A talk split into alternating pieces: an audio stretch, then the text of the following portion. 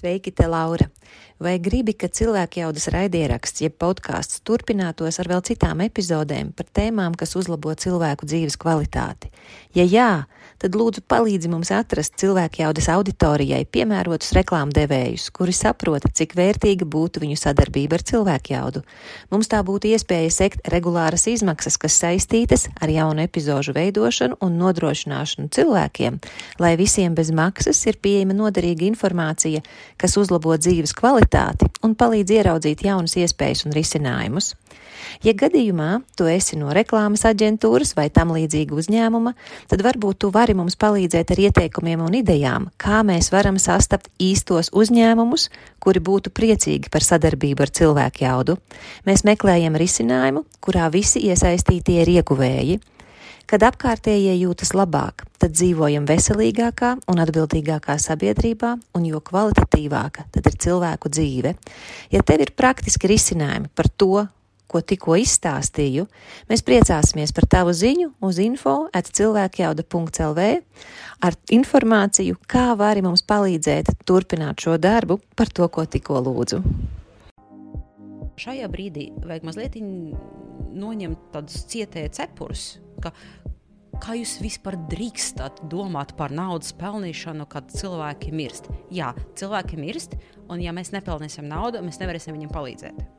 Un, ja mēs nepelnīsim naudu, mēs nevarēsim arī samaksāt savus rēķinus, un mēs nevarēsim palīdzēt saviem bērniem, mēs nevarēsim šo valsti uzturēt stipru mēs nevarēsim šo valsti uzturēt maksimāli resursu stāvoklī, ja mēs te vienkārši sēdēsim un vaimanāsim. Un tiem cilvēkiem, kur mēģina kaut ko darīt, pārdot, tirgot un nodarboties ar savu biznesu, mēģināsim viņiem pārmest par to, ka viņi turās pie normālas dzīves. Ja? Tā kā, manuprāt, šobrīd etiski ir turēties pie normālas dzīves, nevis neturēties pie normālas dzīves. Un etiski ir nodarboties ar jēgpilnu ikdienu. Ja? Tev vajag sakārtot māju, sakārto, tev vajag sakārtot darbu, saņemies un sakārto. Jo vairāk tu ap sevi sakārtos, jo labāk tu jūties nezināmas apstākļos. Lūdzu, atbalstam viens otru. Šobrīd nav piemērots laiks, lai, lai Latvijas latvietiem būtu latvieši. Ja, šobrīd ir piemērots laiks, lai mēs visi kopā saliedētos, un lai mēs saliedētos ne tikai emocionāli, bet lai mēs saliedētos arī ekonomiski. Jo grūti būs, visiem būs grūti, tas ir skaidrs. Nav labi nopauzēt visu dzīvi Latvijā. Ir labi turpināt maksimāli, cik mēs varam, visu dzīvi Latvijā, lai mums būtu morālie un finansiālie resursi, lai atbalstītu sev un ukrāņus, un bēgļus, un ukrāņus tur. Un mums tie visi resursi būs vajadzīgi. Mums vajag viņus ražot. Tas ir daudz, daudz etiskāk nekā sēdēt uz divāna un domāt par to, kas būtu, ja būtu. Šodien saruna mums ir ar Olgu Kotovu. Olga ir pirmā sieviete Latvijā, kas uzkāpa Everestā. Olga ir arī uzņēmēja.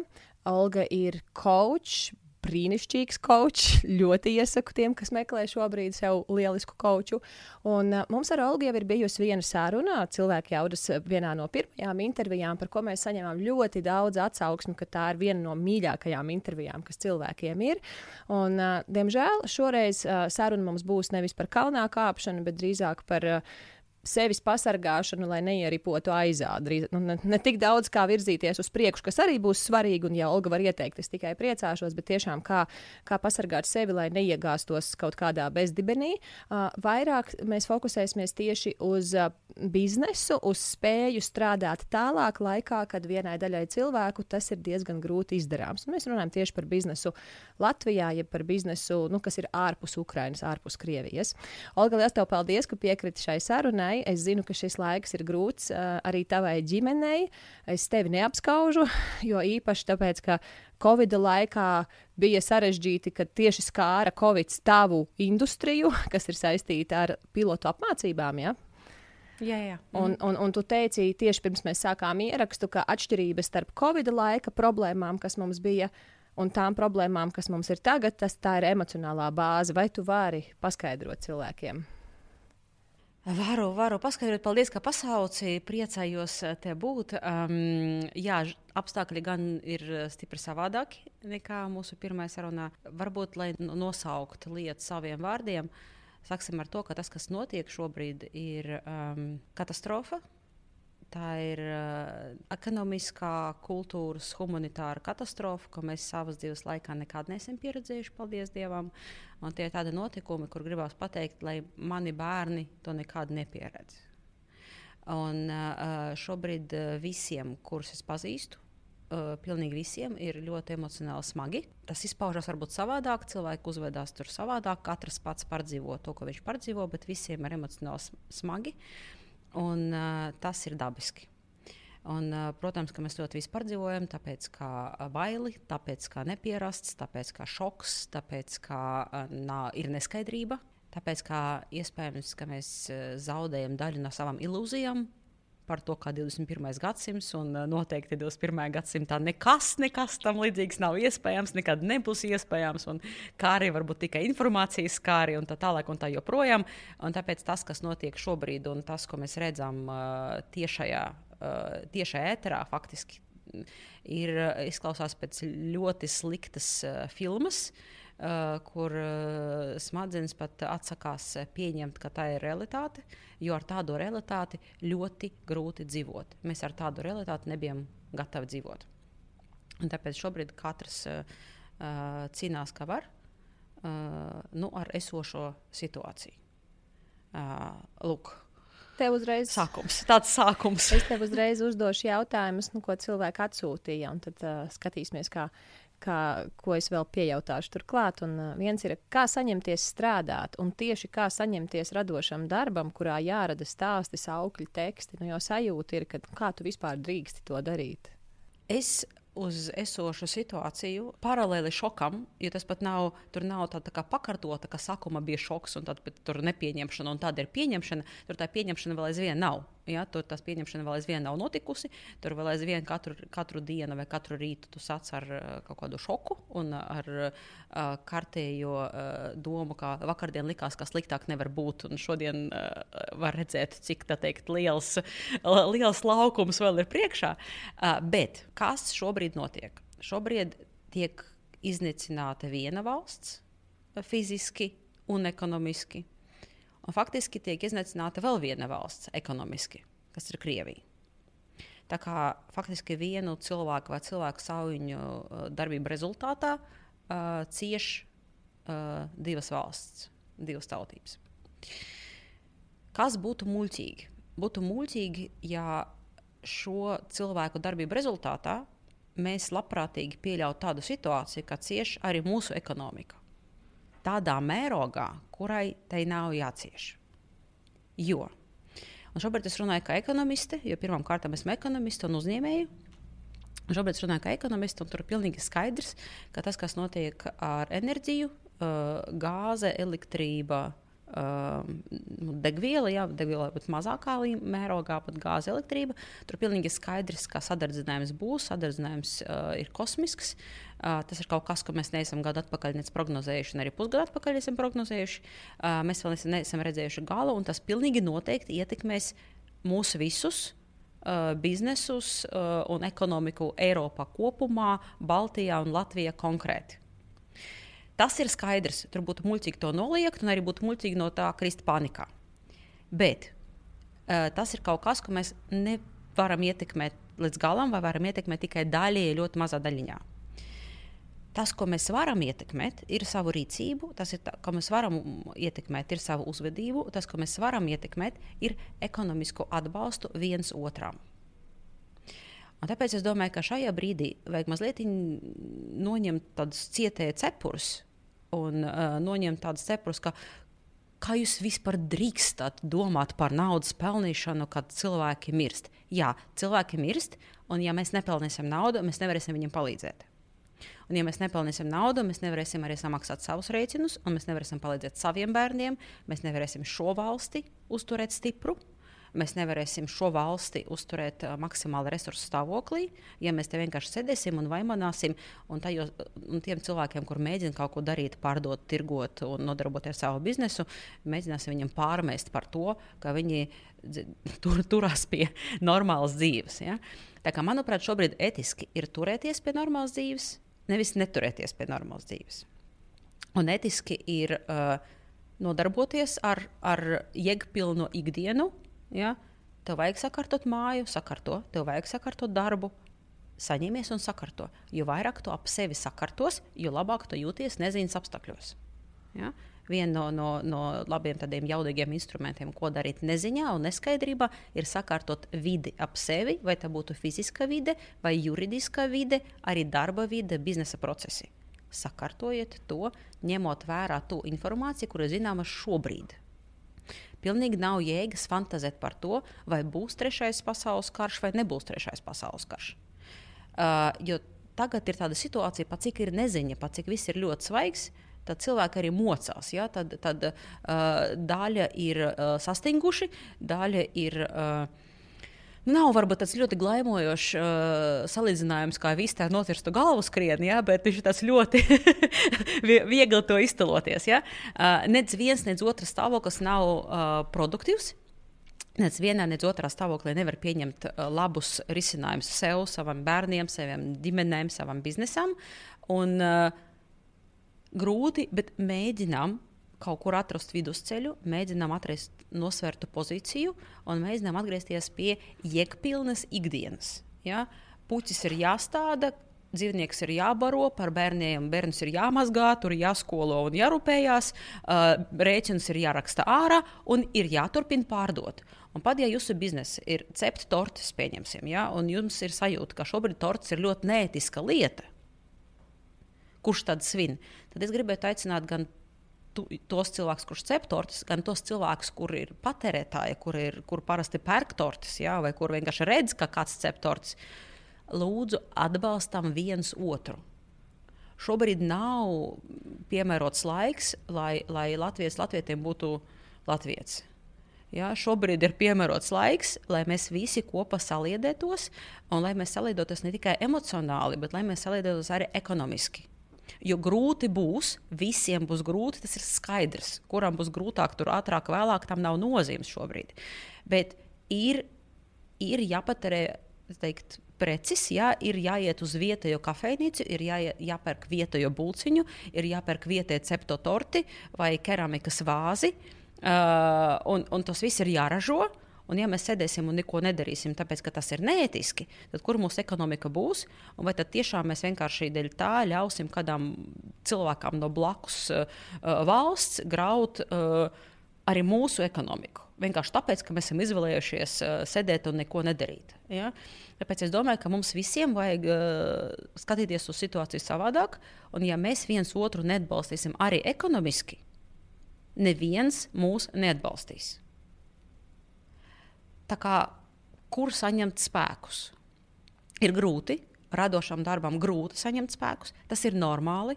Mēs katrs saku, jūtam šoku, nepieņemšanu, bailes, un vispār negribos dzīvot esošajā pasaulē, un arī nedrošība. Un, protams, ka kreativitāte nedzīvo tur, kur dzīvo bailes. Tas ir skaidrs. Uh, nav tādu padomu, kā lai nebaidīties un kā lai tur atgūtu kreativitāti ātri.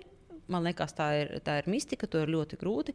Bet tādu iekšējo pozīciju uh, ieņemt, kā es esmu atbildīgs uh, par savu ģimeni, es esmu atbildīgs par savu valsti, esmu atbildīgs arī par kaut kādu nezinu, produktu, kas tiek ražots manā valstī, esmu atbildīgs arī par ekonomisku situāciju, tik cik es varu būt savā valstī.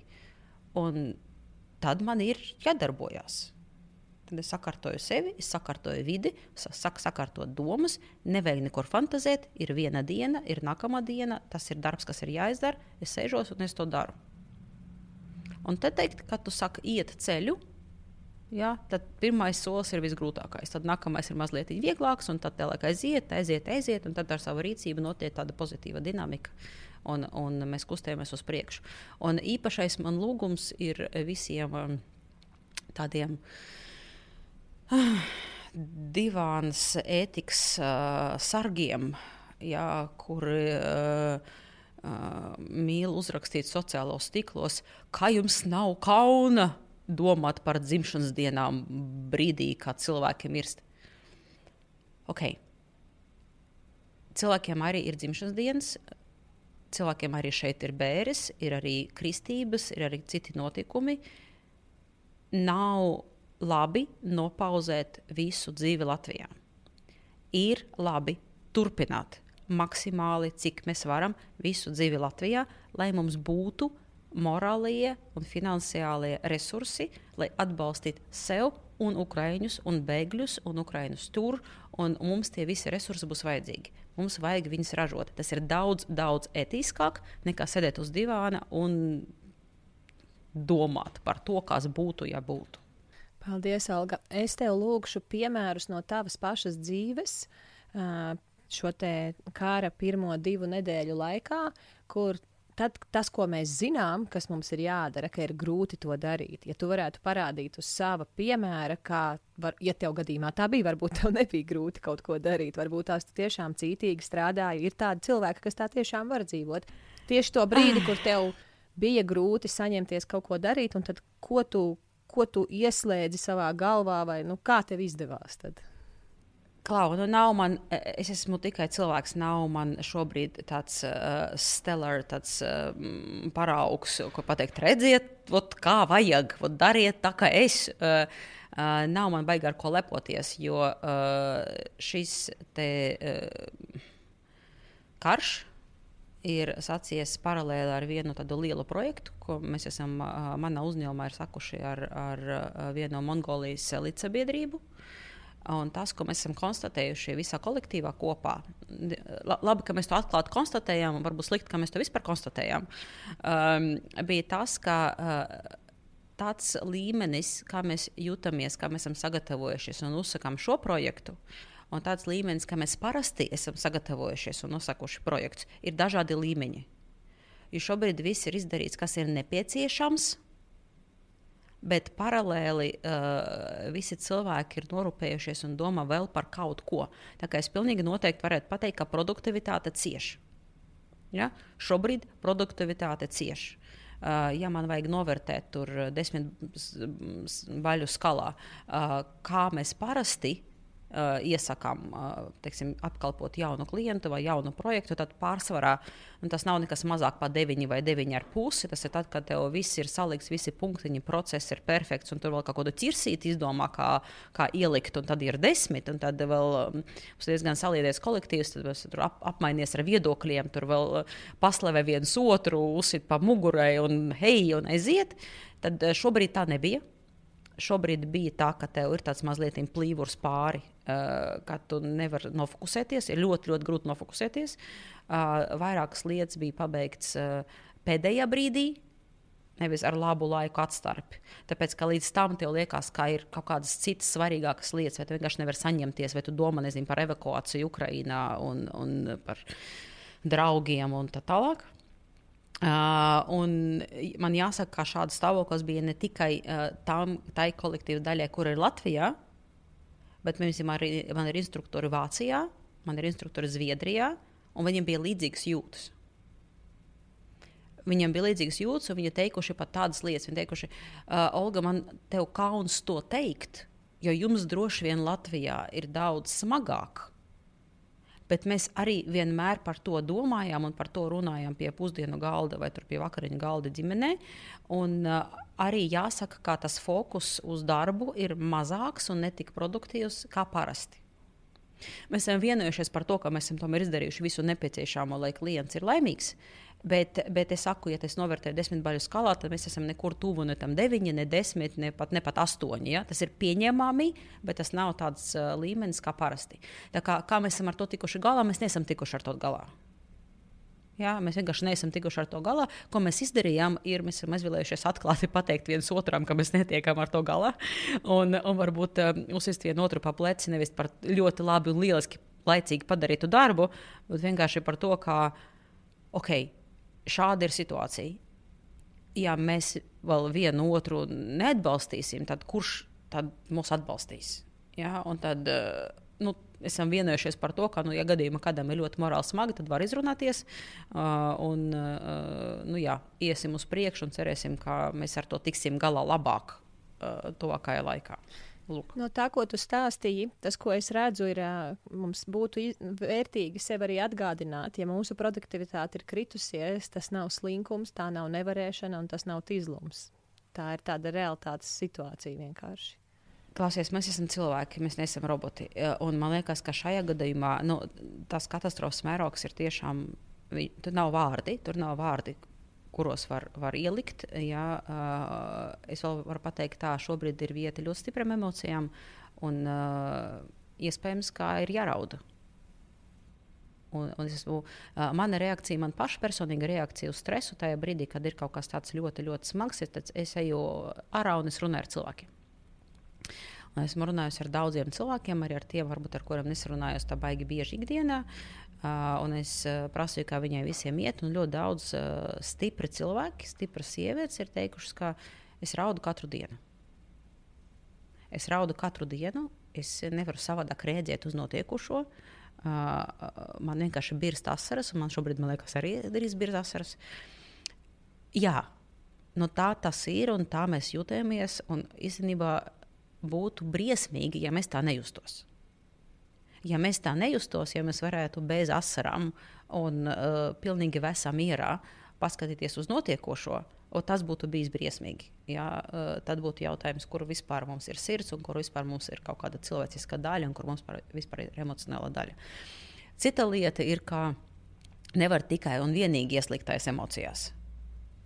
Jā, tur arī jāsaņemās, arī jādara, jā, arī jāatbalsta citus. Uh, tur ir daudz nu, parastie pragmatiskie instrumenti, ko vajag darīt un kā vajag darīt, lai arī virzītos uz priekšu. Bet nosodot, nosodīt sevi par to, ka šobrīd ir smagi, nu, to gan nevajadzētu darīt. Vēl viena tāda uh, svarīga frāze, ko tu pieminēji, ir, ja mēs viens otru neatbalstīsim, nu kur tad mēs būsim? Tu runāji par savu darbu.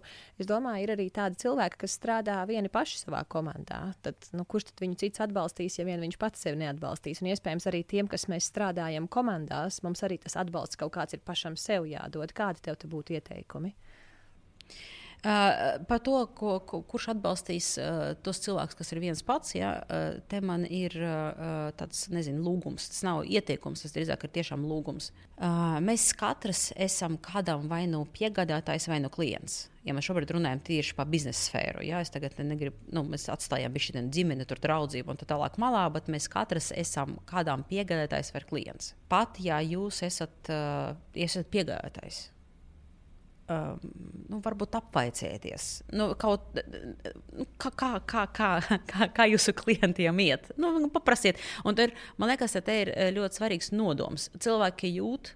Uh, vai viņam jautājums ir vērsts ar nodomu obligāti kaut ko pārdot, pieņemsim, tur vietā, nevietā, vai ar nodomu tiešām uzzināt, kā, jums, kā jūs pārdzīvojat šo laiku? Ja? Vai ir kaut kas, kā mēs varam jūs nezinu, atbalstīt? Un līdzīgi, ja esat klients, kādām. Jūs tur vienmēr nezinu, reizi mēnesī nopirkat kaut ko pakalpojumu, preci un tā tālāk. Nu, piezvaniet savam piegādātājam, kurš jums ir tāds, nu, pierasts piegādātājs. Jo dažkārt viņu, viņš viņu pazīstat. Jūs viņu pazīstat pēc vārda, uzvārda. Jūs iespējams zināt, vai viņam ir suns vai kaķis vai kas viņam. Nu, paprasiet, pateikiet, ka es, ne, es šobrīd neko nevaru nopirkt, bet nu, pastāstiet, man te vieta. Nu, tur mums jābūvē tādi, tā teikt, tādi horizontālie sakari, jo eh, tas ir tas, uz ko sabiedrība turās. Tas ir tā. Um, Tā ir tā komūna, jā, tā, tā sajūta, ka mēs esam viens otram kaimiņš. Nu, nav mums baigi milzīga valsts. Jā, mēs visi esam te kaimiņos, mēs visi viens otru pazīstam un satiekam uz ielas. Nu, ja mēs šobrīd to, to, aud, to audumu neaudīsim, to, to savu sabiedrības jā, eh, tīklu neausim, nu, tad kā, nu, nu, kur viņš neradīsies. Ja? Tā, kā, tā emocionālās atbalsts viņam jābūt šeit, viņam jābūt pie uh, veikalā, tur nezinu, nopirkot kaut ko, taču pasakiet pārdevējām, kā paldies, ka jūs man pasmaidiet, man bija ļoti smagi, un man te jūs smaids daudz ko nozīmē. Ja, ja tā ir taisnība, ja tā nav taisnība, tad nesakiet, nevajag melot. Ja? Bet, ja tā ir taisnība, nu, tad nu, saņemieties mazliet, atveriet mutu, pasakiet priekšā kaut ko cilvēkam, pasakiet lieku paldies, nezinu, uzsakiet kaut kādu pozitīvu mazo sarunu, nezinu, tur maksājot par stāvvietu. Es nezinu, kur, ja? bet nu, tajā brīdī, kad jūs satiekat satiekaties ar citiem dzīviem cilvēkiem. Padomājiet, ko jūs labu varētu viņiem tādu pateikt. Man liekas, ka tā mēs kā sabiedrība arī pastāvēsim. Tā kā tu pati teici, tu esi tas cilvēks, kurš šādās situācijās iet laukā un iet runājās ar cilvēkiem. Mm. Eh, tu vari izstāstīt, ko tas tev dod? Jā, protams, pirmkārt, tas palīdz validēt savas sajūtas un emocijas, jo savādāk tu sēdi mājās un domā, tu esi pats tas vienīgais idiots, kurš nevar saņemties. Tad droši vien tas tāpēc, ka tev ir slinks un tev ir disciplīnas trūkums, un vēl tev ir ārkārtīgi haotisks, tāpēc tu nevari tā teikt, uzrakstīt sev bullet, ne, tu vari uzrakstīt bullet points, kas ir jādara, bet tu vienkārši ļoti lēnām virzies pa to bullet point sarakstu. Ja? Un tad tajā vietā, lai sevi šaustītu par to, ka tu galīgi kam neesi derīgs, un īpaši kā vadītājs pēdējā, pēdējo nedēļu un tā tālāk tajā vietā, runājot ar, ar citiem dzīves cilvēkiem, plus minus var saprast, teikt, video temperatūras slimnīcā. tad, tad, ir vieglāk, tad ir vieglāk ar sevi. Tad sanāk, ka tu tomēr tajā sarunas laikā vari atbalstīt citus. Ja, tiešām netīšām, bet tas sanāk. Nu, komunikācija vispār ir liels spēks. Un mums, kā mēs esam tādi uh, uz sociumu sabiedrību vērsti dzīvnieki, ja? uh, tām visām ir ļoti liels spēks. Un, uh, Atbal, kaut, vai, kaut kādu labu vārdu pasakot, vai atbalstot citu cilvēku, tu jūties spēcīgāks. Tu ej ārā no tās sarunas spēcīgāks nekā tu esi sar, to sarunu uzsācis. Un tad tas uh, papildus enerģijas deva to jau daudz vienkāršāk pārtulkot darbībā. Uh, tu vieglāk pēc tam sarunas atgriezties pie to-do listes un iztaisīt vēl vienu, nezinu, vēl vienu darbu vai darīt to kvalitatīvāk. Tā ir tāda papildus uzladēšanās, un arī otrā pusē tas arī ir rezultāts. Un, ņemot to vērā, būtu muļķīgi to nedarīt, man liekas. Tev liels paldies par to, ka tu atgādini par šo te runāšanos, jo mums pirms dažām epizodēm bija saruna ar doktori, ārstu psihoterapeitu Jāni Vītiņu, un viņš teica, ka tieši par karu, nu, tas bija kara pirmajā nedēļā. Mm -hmm. Viņš teica, ka uh, šajā gadījumā mēs to karu un, un, un palīdzību sev nevaram sniegt tā, kā tas bija pandēmijas laikā, izolējoties. Mums ir tieši nu, jāiet kopā, mums ir jārunā, mums ir jābūt kopienā, mums ir jālīdzdarbojas vienam ar otru. Nu, tieši tā kā atbalstot, tā kā sirsnīgs tev paldies par labu ieteikumu. Bet, zini, te man ir laba lieta, te man ir laba ziņas. Um, Okay, viņas tie diezgan varbūt, amorāli skanēs, bet es tomēr mm, izvēlos uz viņiem skatīties kā uz pozitīvām ziņām. Vēsturiski, ja mēs padomājam, mēs vienmēr bijām salīdzinājušies tad, kad kaut kas slikts notiek. Ja, atceramies to briesmīgo Zolītūdas traģēdiju. Nu, uz kaut kādu nedēļu, vismaz, ja ne vairāk, Ja, Rīga bija savādāka un Latvija bija savādāka, un, un cilvēki ir domājuši par vienu kopīgo uzdevumu, vienu kopīgo bēdu, uh, Uh, un uh, kā to kopā risināt. Neatkarība no ticības, no tautas, no adas krāsas, no izglītības pakāpes, vienalga. Ja? Mēs bijām kopā, tāpēc kā mums ir notikusi tā nelaime, un tā ir bijusi kopīga mūsu nelaime. Tur nevajadzēja nevienu šķirot. Un, um, cerams, ka šādi vai vairāk mēs varēsim salīdzināties arī šobrīd, saprast, ka tā ir mūsu kopīga nelaime jā, mūsu Latvijā, mūsu Baltijā, mūsu Eiropā kopīga nelaime.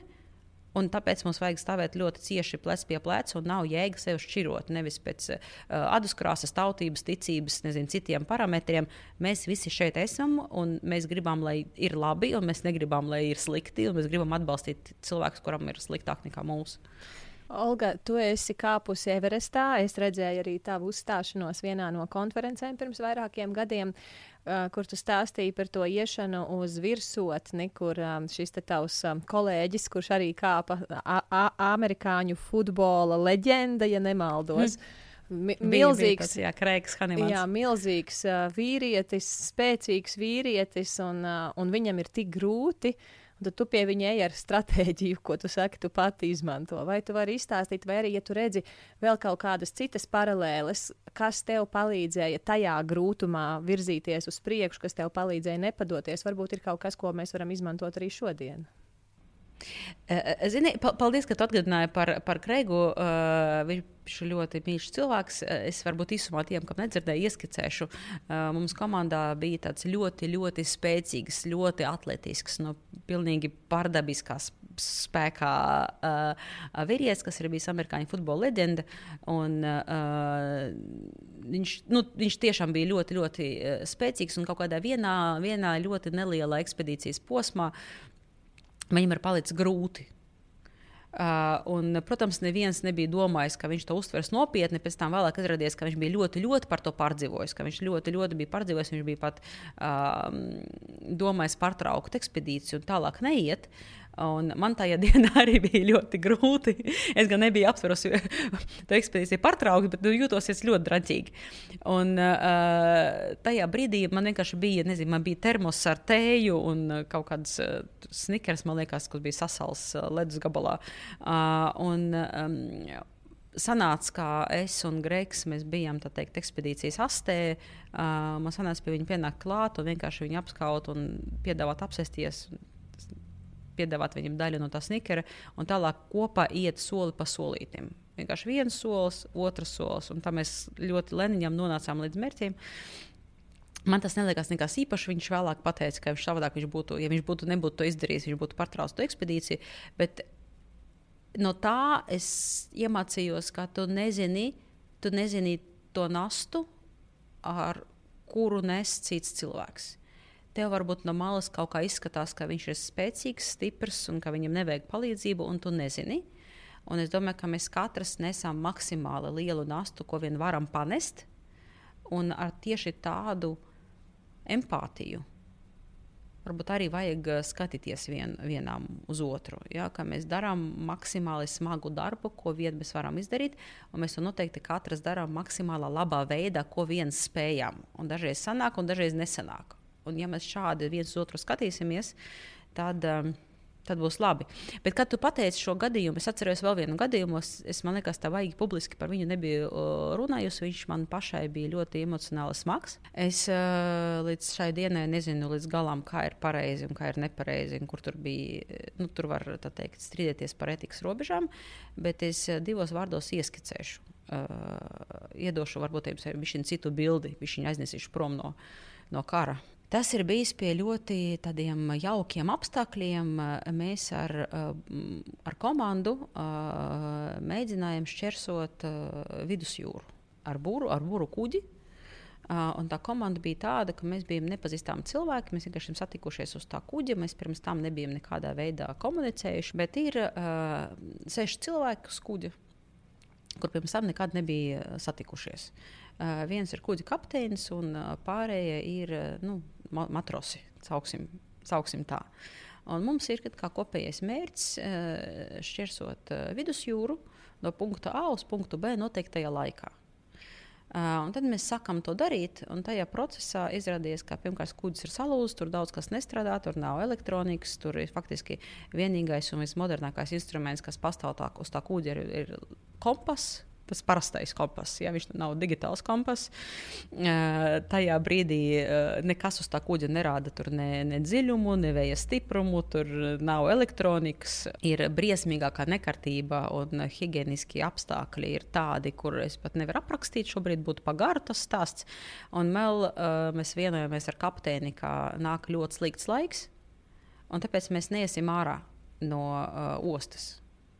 Uh, mēs savā starpā vienojamies, mēs ejam, ejam saliedēties, kapteinis paliek uz klāja, mēs ejam saliedēties ar pārējiem, kopteņ, ar pārējiem uh, komandas biedriem, tur iepazīt viens otru. Mēs vienojamies par to, nu, ka izskatās, ka tas uh, kapteinis varbūt ir kaut kāds vecs un nevērī, nu, varbūt viņam grūti. Tad mēs nākamajā dienā izmantosim to vētru, ka mēs sakārtosim kuģi, izterīsim kuģi, tur sapirksim pārtiku, ieliesim ūdeni, uzlādēsim mobilos telefonus un visādi sagatavosimies nākamām, nākamām būrienām, jā, nākamām pārgājieniem. Un nākamajā rītā mēs atmostamies jau jūrā, jo kapteinis nevarēja. Uh, pagulēt, un viņš pūkstens tur četros, piecos uh, pats ir teikt, atcējis to laivu un izgājis ārā. Un mēs mostamies jau jūrā, un tieši pēc divām stundām sākās īsta vētra. Tālāk garš stāsts, bet tālāk es atceros, ka es izgāju visiem tiem posmiem, kas ir šoks, kas ir neticībā, un uh, par ko tas ir man. Pastāsti lūdzu to... detaļas, ja tās ir. Tad es, ja es vispirms saprotu, tu no, jūs no tās ostas izbraucāt joprojām netīrā kuģī, neuzlādētā. Mēs, mēs, izbraucā, jā, mēs izbraucām no ostas uh, bez uh, pietiekami daudz apraktas pārtikas.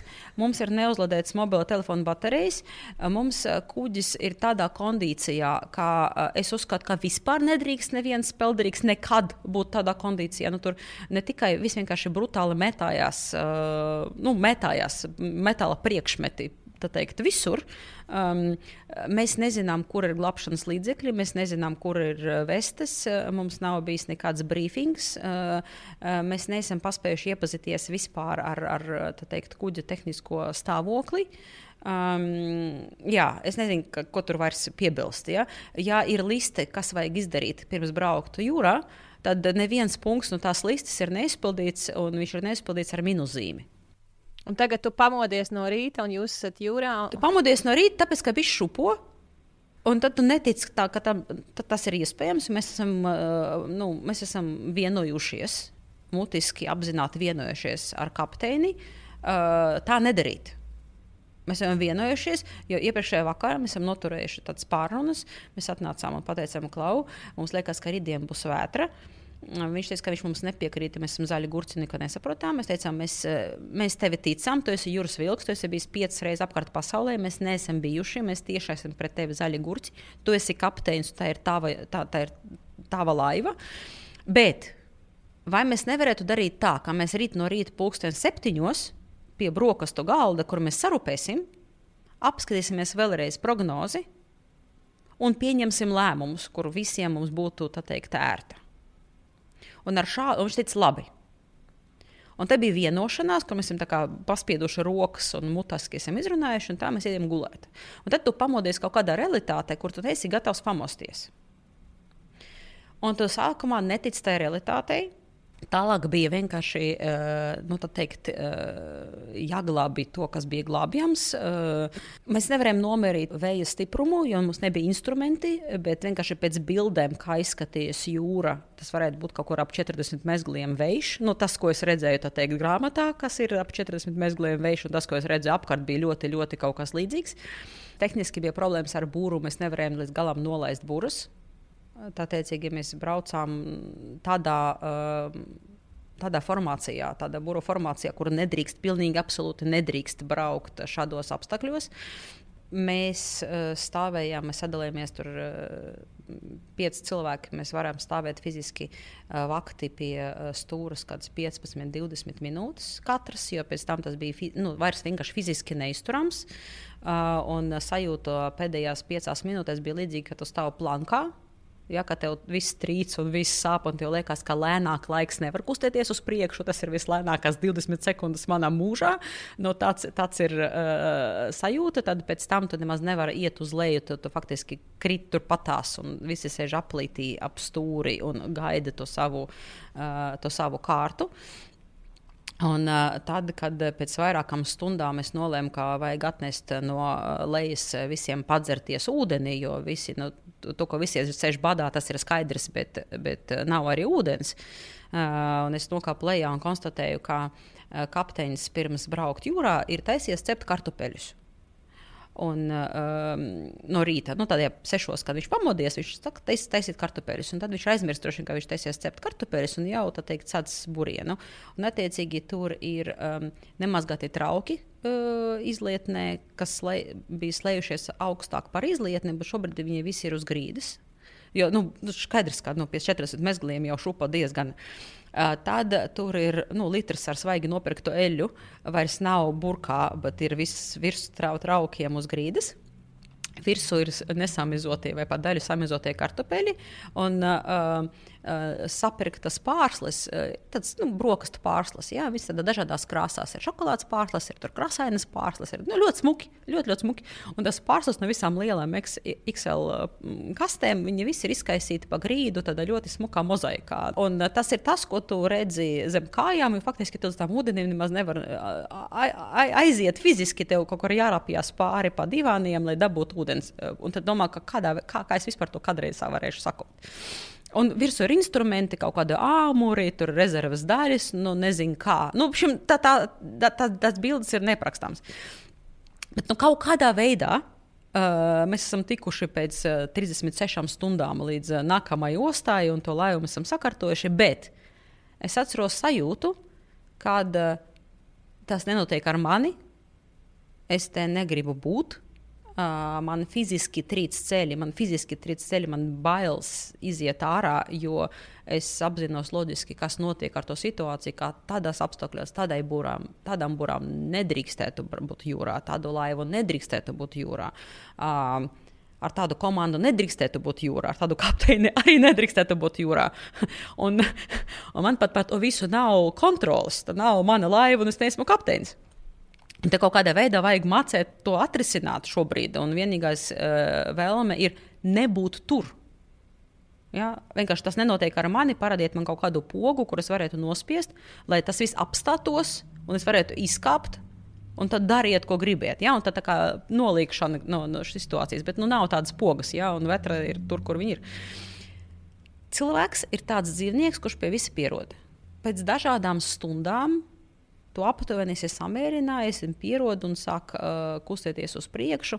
Un uh, nākamos nu, stundas un dienas sākumā uh, tas, par ko mēs bijām kā komanda debatējuši, ir, ka tas nav godīgi nav godīgi pret mums visiem uzturēties tā, kā tās kopienas bija uzturējies. Nav etiski.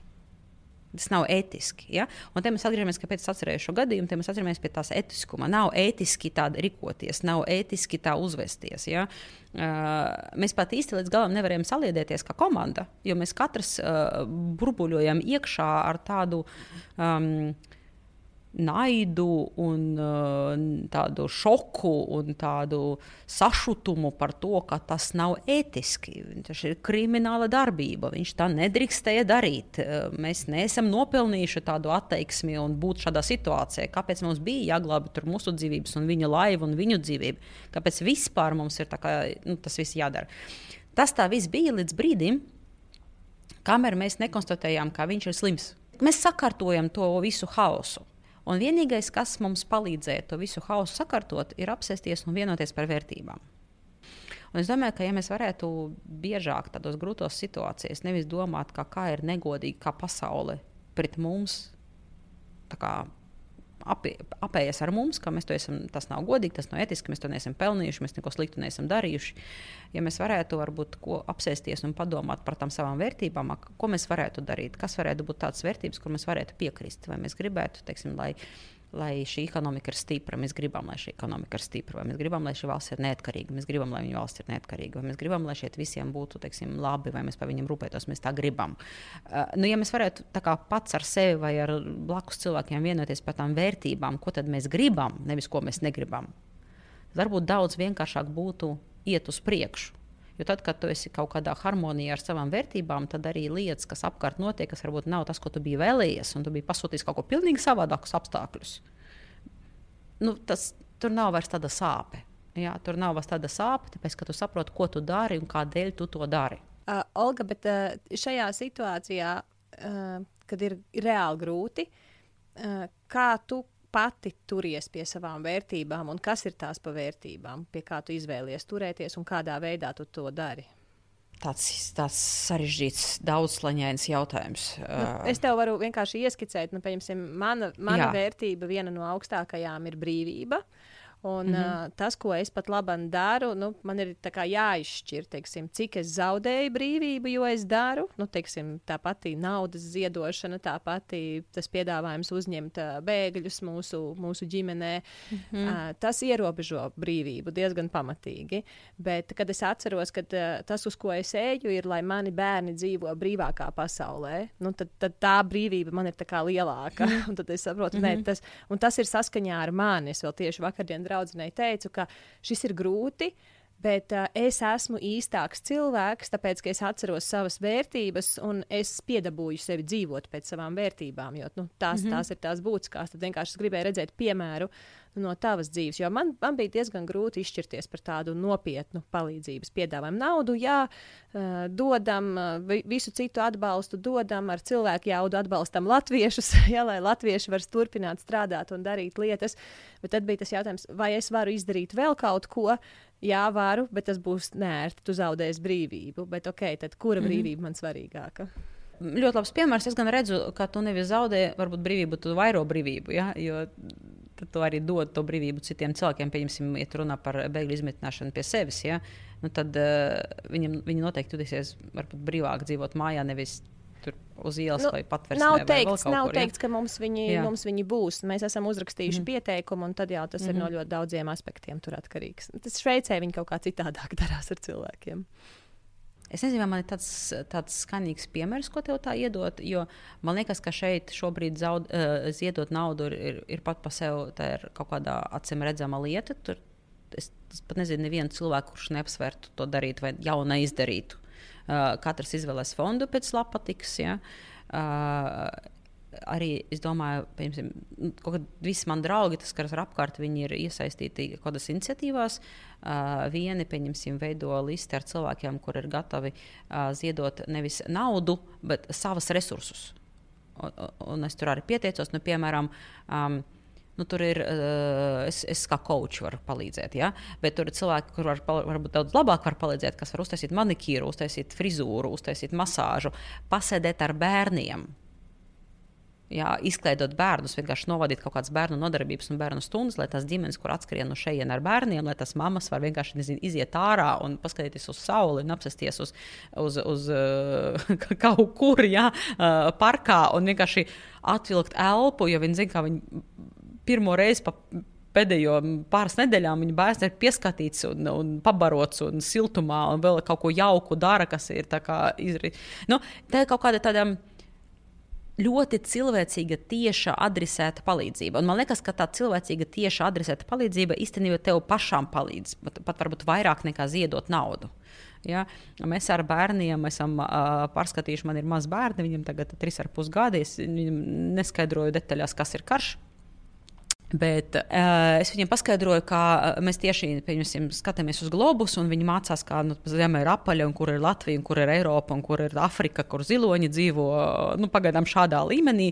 Un es viņiem pateicu, ka te redz ir valsts, kas ir Ukraina, nu, tur šobrīd nav labi, un tāpēc tur bērniņi un, un, un, un no turienes kā, nu, brauc prom, un viņi nevar paņemt visu līdzi. Un iespējams, ka ir kaut kādas lietas, kas viņam būs vajadzīgas. Varbūt viņi var pateikt, kādas mantiņas viņam ne, nevajag. Ja? Tad mums bija saruna. Protams, tur ir jautājums par to, cik lielā mērā tomēr ir reāla palīdzība. Ja? Nu, ko tas, tas nezinu, konstruktors, pazlis un lēle, ko, ko tas mainīs pasaulē. Ja? Bet no otras puses, nu, ja var tā kaut kā audzināt bērnus, un tad mēs kopā varam to aiznest uh, un, un, un ziedot, ja, un dot cilvēkiem un dabūt to cilvēcisko kontaktu. Es neredzu, ka tur ir kaut kas, kas ir pret, uh, teikt, kas mani ierobežo. Tas mani neierobežo. Tas manus bērnus nekādīgi neierobežo. Bērniem, man liekas, vispār varētu dzīvot palielam spēlēties kartonu ar, ar, ar īsiem. Jā, kartonu kasa ar īsiem, tur uh, lēcām un kaut ko tādu. Es to īsti ilgus laikus arī praktizēju. Man liekas, ka bērniem vēl aizvien visvairāk patīk ar to, ar to arī spēlēties. Ja? Tā kā tas man liekas ir par, par, par attieksmēm, tas uh, nav par uh, naudu. Um, Tā kā šeit man grūti pat iedot kaut kādu piemēru, ka redz, ir kaut kāda vērtība, un tas vērtības dēļ es upurēju kaut ko man liekas, ka tā vērtības dēļ nesanāk nekā upurēt, tas vērtības dēļ sanāk vienkārši ļoti saskanīgi ar tām vērtībām dzīvot. Jā, un vēl iegūt. Jā. jā. Olga, ko tu ieteiktu tiem cilvēkiem, kas par, savu, par savām grūtībām pelnīt šobrīd, saka, nu, labi, es saprotu, Reko, Olga man arī iedrošināja, ir jāturpina strādāt. Nu, es tur, nu, labi, es uzrakstīšu to tekstu, mm. es tur veikšu to pārdošanas piedāvājumu. Iepaši par tiem, kas to dara sociālajos mēdījos, kas nav tā mm. izolēti, nu, kaut kur ieliku un neko nezinu pēc tam, bet viņi saņem ļoti tiešu atgrieznisko saiti un viņi saņem šos te uzbrukumus. Ja? Vai nu, o, īp, nu, pieņemsim, viens ir, kā tu vispār uzdrošinies kaut ko tādu darīt, otrs ir. Uh, un tu ziedosi tikai 20%, ja? kāpēc tikai 20%? Jeb arī, jeb arī, un tu neziedosi, tu vienkārši te prasi naudu. Nu, tad ko darīt, kas saskarās Wait, ar šādiem uzbraucieniem? Draugi, mīļie, eh, vai darām tā, mušas atsevišķi un kotlets atsevišķi. Ja? Eh, pirmkārt, ziedot var tikai tad, kad tev vismaz ir kaut ko ziedot. Nu, ja to kontā nav naudas, tad nevienam neko nevar ziedot. Ja? Un, ja tev kontā ilgstoši nebūs naudas, tad tu pats ies un prasīs, lai tev ziedo. Un varbūt nepieļaujam tā, lai mums būtu daudz eh, līdzcilvēku, kuram būtu jāstaigā šādā roku, tāpēc ka benzīns augšā, viss ir augšā un viņi nevar nopelnīt vispār iztiku. Otra lieta. Nav tā, kā kopš 24. februāra visas uh, komercdarbības drīkst notikt tikai ziedošanas nolūkā. Tā nav, tā ekonomika nestrādā. Ja? Komercdarbībām jānotiek, cilvēki var izvēlēties, ziedot vai neziedot pēc tam. Bet nav tā, ka mēs drīkstām viens otram kaut ko pārdot tikai, tikai lai ziedot. Un, ja gadījumā jūs uh, esat reizinājuši, kā veidojās cena, tad, ja tu no tās gala cenas uh, ziedo 20%, tu visdrīzāk ziedo visu savu peļņu. Iespējams, ka tu ziedo pat vairāk nekā savu peļņu, atkarībā no tā, kas, kas, kas tur bija par matemātiku. Ja? Atkal, nevienam nebūs labi, ja cilvēki strādās bez peļņas vai ar zaudējumiem. Skatu punktu pirmais, mēs negribam, lai cilvēki, kam vajag ziedot, kļūst vairāk mūsu darbību rezultātā. Uh, tā kā, manuprāt, šīs mēs es, es gribu ticēt, ka mēs paši tā ilgstoši neveidosim to tādu ļoti neveselīgo uh, vidi un attieksmi, kā nedrīkst tagad, uh, nedrīkst tagad pelnīt, nedrīkst tagad tirgot, nedrīkst tagad strādāt. Drīkst strādāt, vajag strādāt, vajag pelnīt, jo tikai tad ir, būs ar ko padalīties. Um, otra lieta. Okay. Diemžēl ir jāpieņem, ka būs cilvēki, kur nekā savādāk, produktīvi, ar savu agresiju ne, nevarēs tikt galā, kā tikai izliet to virsū savam kaimiņam. Man ļoti gribētos, lai tā nebūtu. Tas būtu ārkārtīgi naivi domāt, ka tas nebūs. Šādā situācijā cilvēki ir agresīvi, cilvēki ir uzbudināti, cilvēkiem nu, viņi, viņi netiek galā paši ar sevi.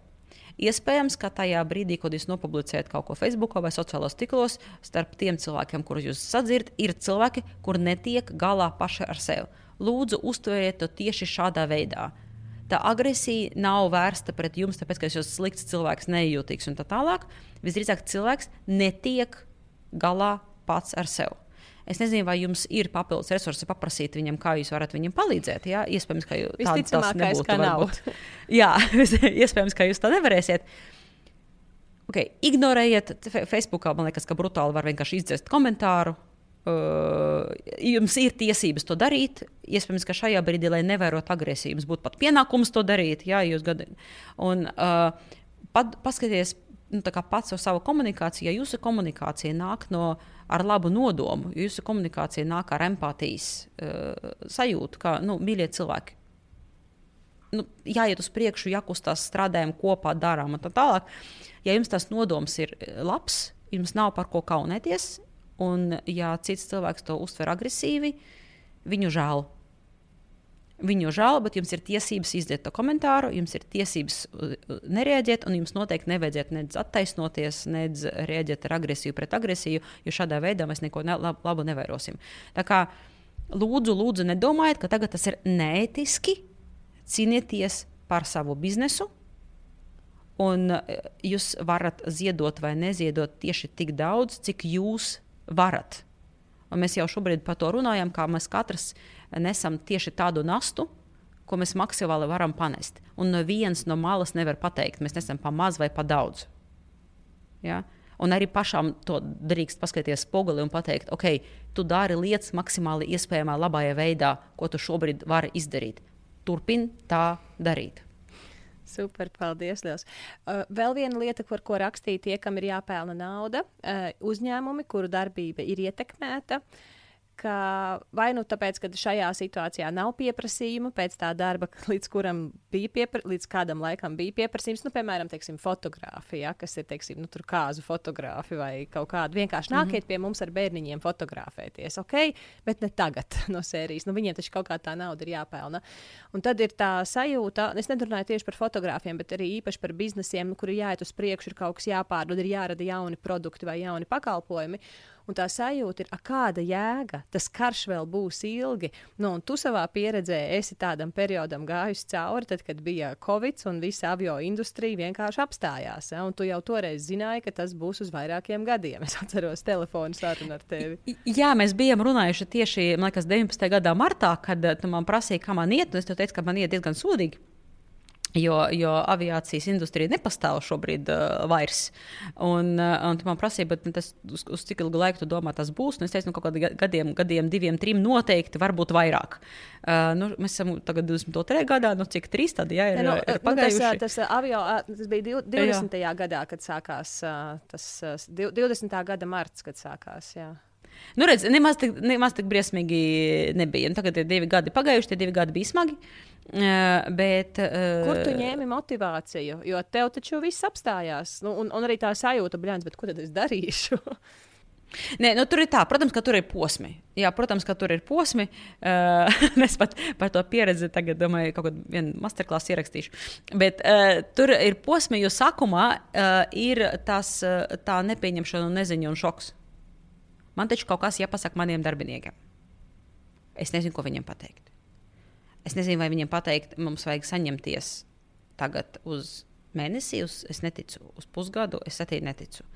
Es nedrīkstu teikt lietas, kam es neticu. Jā, es, tas, ir, tā, tas man bija pilnīgi skaidrs, ka es nedrīkstu vērt vaļā muti un teikt kaut kādas nepatiesīgas lietas. Es nedrīkstu teikt lietas, kam es pilnīgi neticu.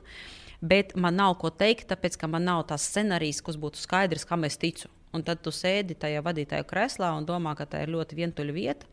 Uh, un, uh, tu, tu, tev ir bažas par sevi un par savu ģimeni, tev ir pienākums un bažas par, par, par darbiniekiem. Nu, nu, nav, nav, tā, es nenovēlu tādu pieredzi, bet, diemžēl, šobrīd tāda pieredze ir daudziem. Tas, ko es darīju, es uh, maksimāli atklāti parunāju ar uh, darbiniekiem. Un mēs parunājam tādā cilvēciskā līmenī. Es viņam teicu, es nezinu, kas būs. Es šobrīd gribētu jums pateikt kaut ko konkrētu. Es jūtu, ka vadītājs, ka man ir pienākums jums pateikt kaut ko konkrētu un dot kaut kādu plānu. Nu, pieņemsim, te ir tāda alga, te ir tāda alga un tā tālāk.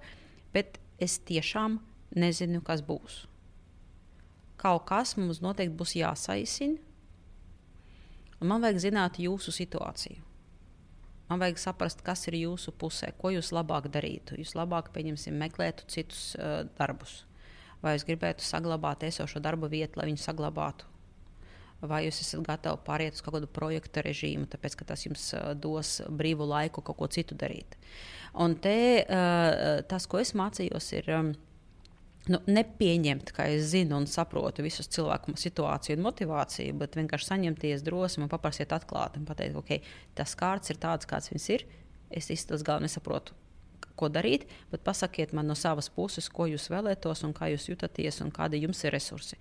Un, cilvēki ir spējīgi to verbalizēt, un cilvēki ir spējīgi saņemties, un cilvēki ir spējīgi pateikt, piemēram, nē, man šobrīd ir ļoti, ļoti smaga situācija. Man absolūti noteikti vajag darbu, kas man nodrošina noteiktu ienākumu līmeni, un es nevaru nevienu mēnesi uh, to ienākumu izlaist, jo tā ir katastrofa. Tad mēs bijām spējīgi vienoties par to, labi, tad es jums varu maksāt šī tik daudz mēnešus uz priekšu, pieņemsim algu, bet mēs zinām, ka jūs paralēli to mēnesi vai divus meklējat citu darbu, tāpēc ka es jums nevaru garantēt, ka šeit pēc diviem mēnešiem būs alga un darbs. Bet tur nav vairs aizvainojums. Ja? Uh, Tur nav aizvainojums, tā ir tādā, mēs esam izrunājušies tur ar vienošanās, uh, un starp citu ar dažiem darbiniekiem, ar, kur, kuriem mēs bijām tā šķirušies, uh, mums šobrīd uh, mēs atkal uzsākām nu, kaut kādu projektu un sadarbības, jo tur viss ir kārtībā, tā situācija bija skaidra. Ja? Bija cilvēki, kuri patīkuši, ziniet, es, es arī gribēju brīvu, es pat pusgadu varu atļauties brīvu. Un man ir cits lietas, ko darīt, un pēc pusgada iespējams, ka mēs redzēsim kaut kādu situāciju savādāku.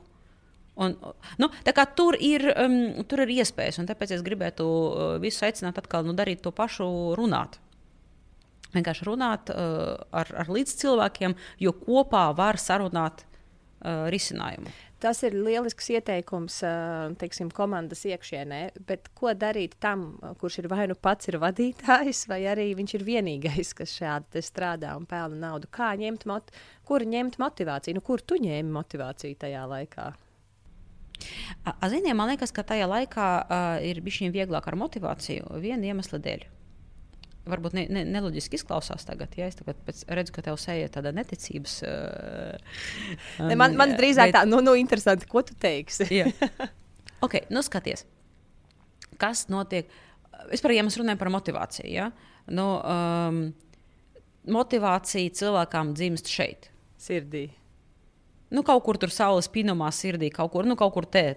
Tur, krūtīs, kaut kur, kur skaistums. Turpat, kur skaistums, jā. Ja? Kad tur skaistums nāk, tur arī motivācija kaut kur tur dzīvo. No iekšienes tas uh, ir tas, ko tu nu, mēģini. Jā. es vienkārši tāpēc, ka mums ir cilvēki, kas klausās tikai audio versiju, viņi neredzēs, kur tu ah. pieskāries. ah, ok, pie saules pinuma. Okay, es pieskaros pie, pie okay. saules pinuma. Uh, uh, respektīvi, uh, un man liekas, ka tā, tā pašmotivācija arī dzimst. Ja tur ir kaut kas, Uh, tas, ir, tas, tas ir tas saturs, uh, kas ļauj mums kustēties uz priekšu. Uh, ja tur ir tukšums, neviens darba devējs to tukšumu neko neaizpildīs. Ja tur ir dzīvība, tad tas ir, tad tas ir iemesls mosties, iet ārā, kustēties, kaut ko darīt. Tā ir man viena pārliecība.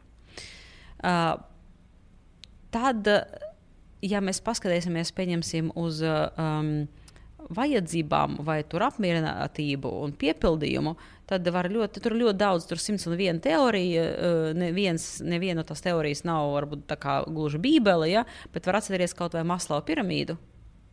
Un tad, kad tu esi nodrošinājis sev apakšstāvus, ja tu esi drošībā, tad tu esi paēdis, tev ir nezinu, ģimene, tev ir darbs un pat karjerā un tā tālāk. Un tad tu sāc mocīties ar tiem augšstāviem, tur pašrealizācija, tur kaut kāda misija, virsmisija. Un, un tas ir jau tāds baigi plānas matērijas, un ar tiem ir, tur ir ko pamocīties. Ja?